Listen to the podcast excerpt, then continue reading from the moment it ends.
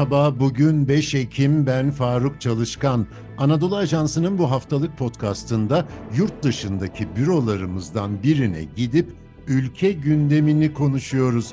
Bu hafta Birleşik Krallık'tayız. Siyasetini Zuhal Demirci, ekonomisini Nuran Erkulkaya ile konuşacağız. Arkadaşlar katıldığınız için teşekkür ederim. Siyasetten başlayalım mı? Gelecek yıl genel seçimler var.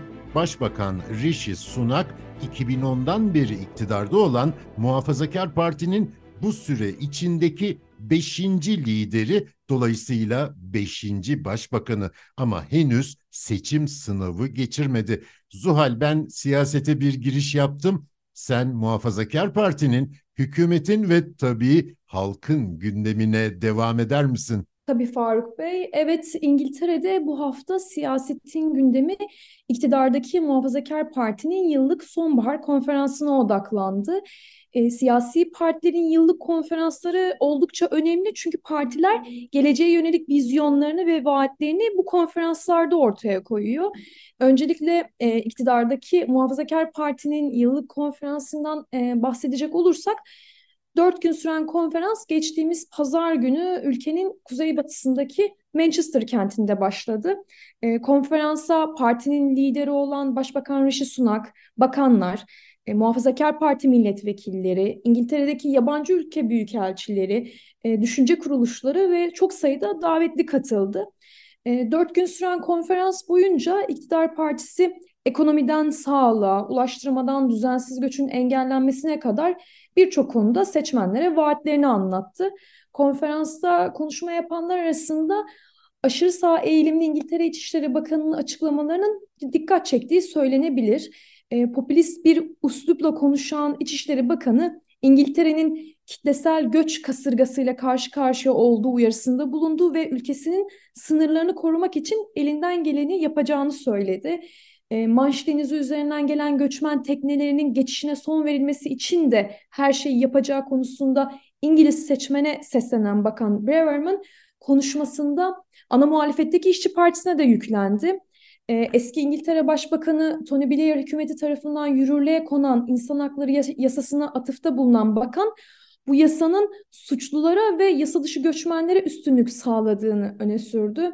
E, konuşmasında hatta İnsan Hakları Yasası'nın adının Ceza Hakları Yasası olarak değiştirilmesi gerektiğini de savundu. E, popülist söylemleriyle öne çıkan e, aslında kendisi de göçmen kökenli olan İçişleri Bakanı daha önce yaptığı bir açıklamada da çok kültürlülüğün başarısız olduğunu söylemişti ve çok kültürlülük dogması Avrupa için zehirli bir kombinasyon olduğunu kanıtladı ifadesini kullanmıştı. İçişleri Bakanı'nın bu açıklamaları hem daha önce yaptığı açıklamalar hem de parti konferansında yaptığı açıklamalar oldukça ses getirdi. Konferans tabii ki partinin lideri olan İngiltere Başbakanı Rishi Sunak'ın kapanış konuşmasıyla son buldu.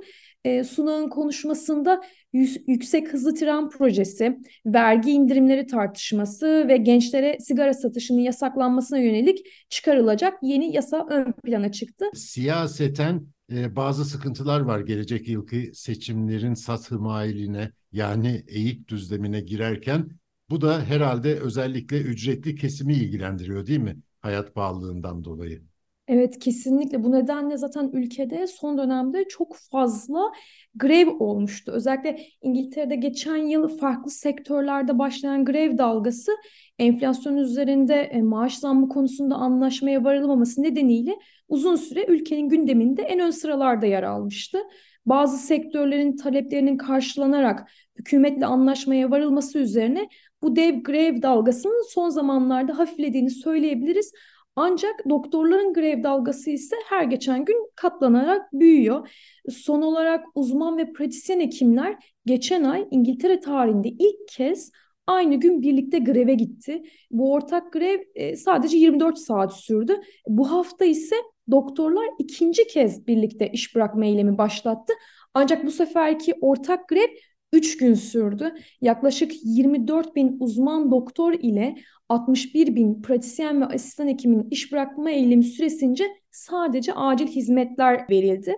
E, doktorların grevlerinin zaten sıkışmış durumda olan İngiltere sağlık sistemini daha da zora soktuğu gündeme geldi. E, son verilere göre ülkede hastanelerde tedavi olmak için, rutin tedavi olmak için bekleyenlerin sayısı 7,7 milyona ulaştı. Başbakan Sunak ise hastane, hastanelerde tedavi olmak için bekleyenlerin sayısının artmasından grev yapanları sorumlu tutuyor. E, doktorlar ise talepleri karşılanana kadar grevlerini sürdüre, sürdüreceğini açıkladı. Hatta e, iktidardaki Muhafazakar Parti'nin konferansının düzenlendiği Manchester kentinde doktorlar büyük bir greve de imza attılar. Ee, dediğim gibi doktorlar grevlerini sürdürecek. Muhafazakarların parti konferansında dile getirdiği vaatler önümüzdeki dönemde ülkenin karşı karşıya olduğu sorunlarla mücadelede bir vizyon ya da çözüm ortaya koyacak mı? E, buna da tabii ki seçmen karar verecek. E, bir de şunu eklemek istiyorum son olarak ana muhalefetteki İşçi Partisi de 8-11 Ekim tarihinde Liverpool'da yıllık konferans düzenleyecek. Tabii gözler ana muhalefetteki İşçi Partisi'nin konferansında da olacak. Takip edeceğiz. Zuhal kısaca son olarak sigaraya başlama yaşı hakkında ne dedi başbakan? İngiltere Başbakanı Sunak parti konferansının son gününde e, gelecek nesilleri sigaranın zararlarından korumak amacıyla yasa çıkaracaklarını, sigara satın alma yaşının her yıl kademeli olarak yükseltilmesini planladıklarını duyurdu. Hükümetin ilk sigarasız nesil için 14 yaş ve altındaki çocuklara sigara satılmasını engelleyeceğini, hatta elektronik sigaralara da kısıtlama getirileceklerini açıkladı. E, bu yasa kapsamında, bu çıkarılacak yasa kapsamında 1 Ocak 2009 doğumlu ve sonrasındaki e, çocuklara bundan sonra sigara satışının yasaklanacağını ve her yılda kademeli olarak bunun artırılacağını söyledi.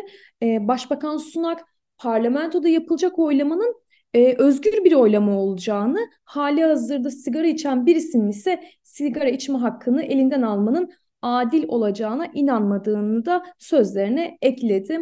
Ee, şöyle de bir şey, e, bir detay vermek istiyorum. Yani İngiltere Ulusal İstatistik Ofisi verilerine göre şu anda 18 ila 24 yaşındaki her 9 kişiden biri sigara içiyor. İngiltere genelinde ise yaklaşık 6 milyon kişi sigara tüketiyor.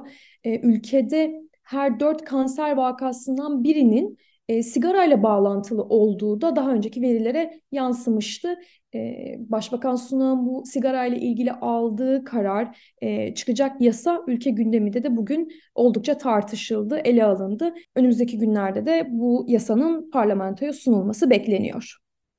Şimdi Muhafazakar Parti'nin iki temel misyonu olmuştu. Birincisi ülkeyi Avrupa Birliği'nden çıkarmak, Brexit kod adıyla e, ve yabancı e, göçüne, e, düzensiz göçe karşı e, ciddi önlemler alınması. E, göç pek azalmış gibi görünmüyor ama Muhafazakar Parti'nin en büyük sınavının galiba sosyal refah, ülke ekonomisinin performansı konularında olacağı anlaşılıyor. Brexit de bunu olumsuz etkilemişti. Nuran, tablo nasıl sana göre? Evet, hem Covid hem de Brexit aslında İngiltere için e, çifte şok oluşturdu İngiliz ekonomisi için diyebiliriz. Şu anda hayat pahalılığı krizi ve enflasyon, işsizlik ve vergilerde kesin indirime gidilmesi, kesinti yapılmasına ilişkin talepler hükümetin ekonomi ajandasını belirleyen başlıklar. E, bunlara ilişkin birkaç rakam vererek başlayabilirim ben de. E, Birleşik Krallık özellikle bir yılı aşkın bir süredir e, G7 ülkeleri arasında en yapışkan ve yüksek enflasyona sahip ülkelerden biri oldu. Geçen yıl Ekim'de enflasyon %11.1 ile son 40 yılı aşkın bir sürenin en yüksek seviyesine çıkmıştı. Enflasyonun zirve yapmasından birkaç ay öncesinde İngiltere Merkez Bankası faiz artırımına başlamış olmasına rağmen ve e, sürekli faiz artışına gitmiş olmasına rağmen üst üste 14 toplantıda enflasyonda düşüş çok e, yavaş ilerledi. Ve İngiltere Merkez Bankası enflasyonu düşürmek için son 15 toplantının 14'ünde faiz artırdı. Sadece Eylül ayındakinde faizleri %5,25 ile son 15 yılın en yüksek seviyesinde sabit tuttu. Şimdi Kasım'da tekrardan bir toplantısı var e, burada e, sabit tutmaya devam edecek mi yoksa bir 25 bas puan artış daha gelecek mi? Eylül ayı enflasyon verileri bunu belirleyecek. E, onlar da bir iki hafta içerisinde bu veriler açıklanacak. Tabii burada dediğim gibi enflasyon en önemli gündem maddesi.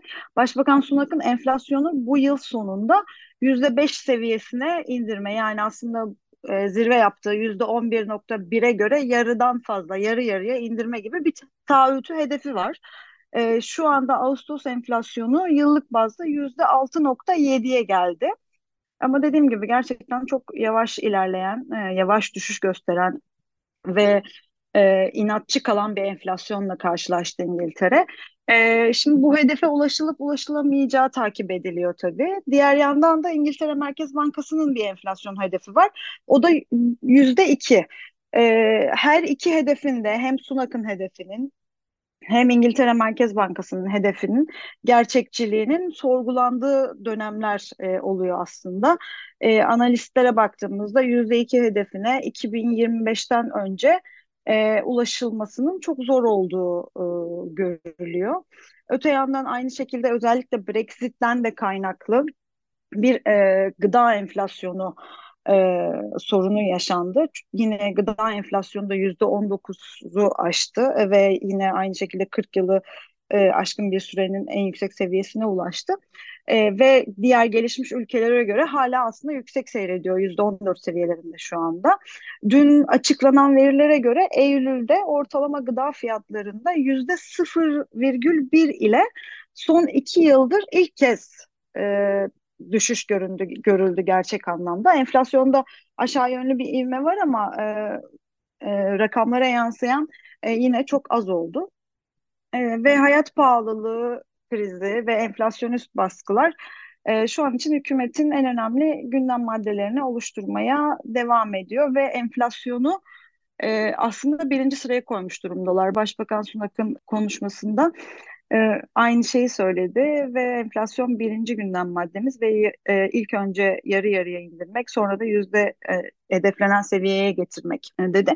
Bu yüzden de özellikle Liz Truss döneminden beri daha fazla tartışılan ve yine son günlerde de çok gündem maddesi haline gelen vergi kesintilerine aslında sıcak bakılmıyor şu anda.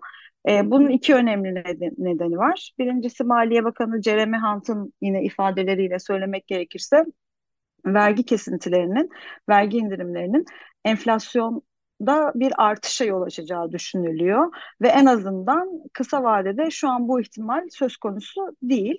Ve diğer yandan tabii e, hükümet aslında enflasyonu düşürmenin en iyi vergi indirimi e, olduğunu ifade ediyor ve bunun e, tüm e, topluma faydası olduğunu e, savunuyor. E, yine e, vergi indirimine sıcak bakılmamasının bir nedeni de tabii bütçeyle ilgili. Vergi kesintileri olması durumunda kamu harcamalarında ciddi bir azaltım e, gerekiyor ki şu anda bunun da e, zor olduğunu söyleyebiliriz. Bundan sonrasında gelecek ay sonbahar bütçesi var. E, sonbahar bütçesine e, odaklanmak gerekecek. Ve tabii e, Eylül ayına ilişkin enflasyon rakamlarına çünkü hem mortgage faizleri açısından e, hem de İngiltere Merkez Bankası'nın hareket alanı açısından Eylül enflasyonu daha belirleyici olacak. Enflasyon rakamı çok yüksek görünmüyor ama ülke ekonomisi e, çok komplike ve faizin e, değişmesi çok fazla e, sektörde ve e, yaşam tarzında etkilere yol açıyor.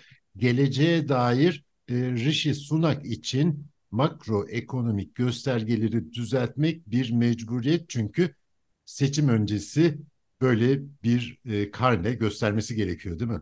Evet yani e, Faruk Bey aslında enflasyon hani şu anda en yüksek seviyesi yüzde on bir nokta birden bahsediyoruz ve şu andaki işte Ağustos verilerinin altın yüzde altı nokta yedi olduğundan bahsediyoruz ama bu oranlar Avrupa ülkeleri için çok yüksek oranlar. Çünkü enflasyon yıllarca hani küçük artışlar göstermiş ya da çok uzun süreler sabit kalmış e, daha öncesinde. O yüzden şimdi özellikle bu Covid sonrası tedarik zincirlerinin bozulması, İngiltere için Brexit'in de ayrıca özel bir durum oluşturması dediğim gibi %11.1 ile 40 yılı aşkın bir sürenin en yüksek seviyesine çıktı ve tabii ki bu da ekonomi için aslında büyük bir şok yani çünkü alışılmamış bir durum. Zuhal, genel seçimler gelecek yıl dedik ama hep muhafazakar partiden konuştuk e, hem iktidar partisi hem de muhalefet e, ne tür beklentiler içinde gelecek yıl e, Birleşik Krallık çapında bir farklılık beklenir mi?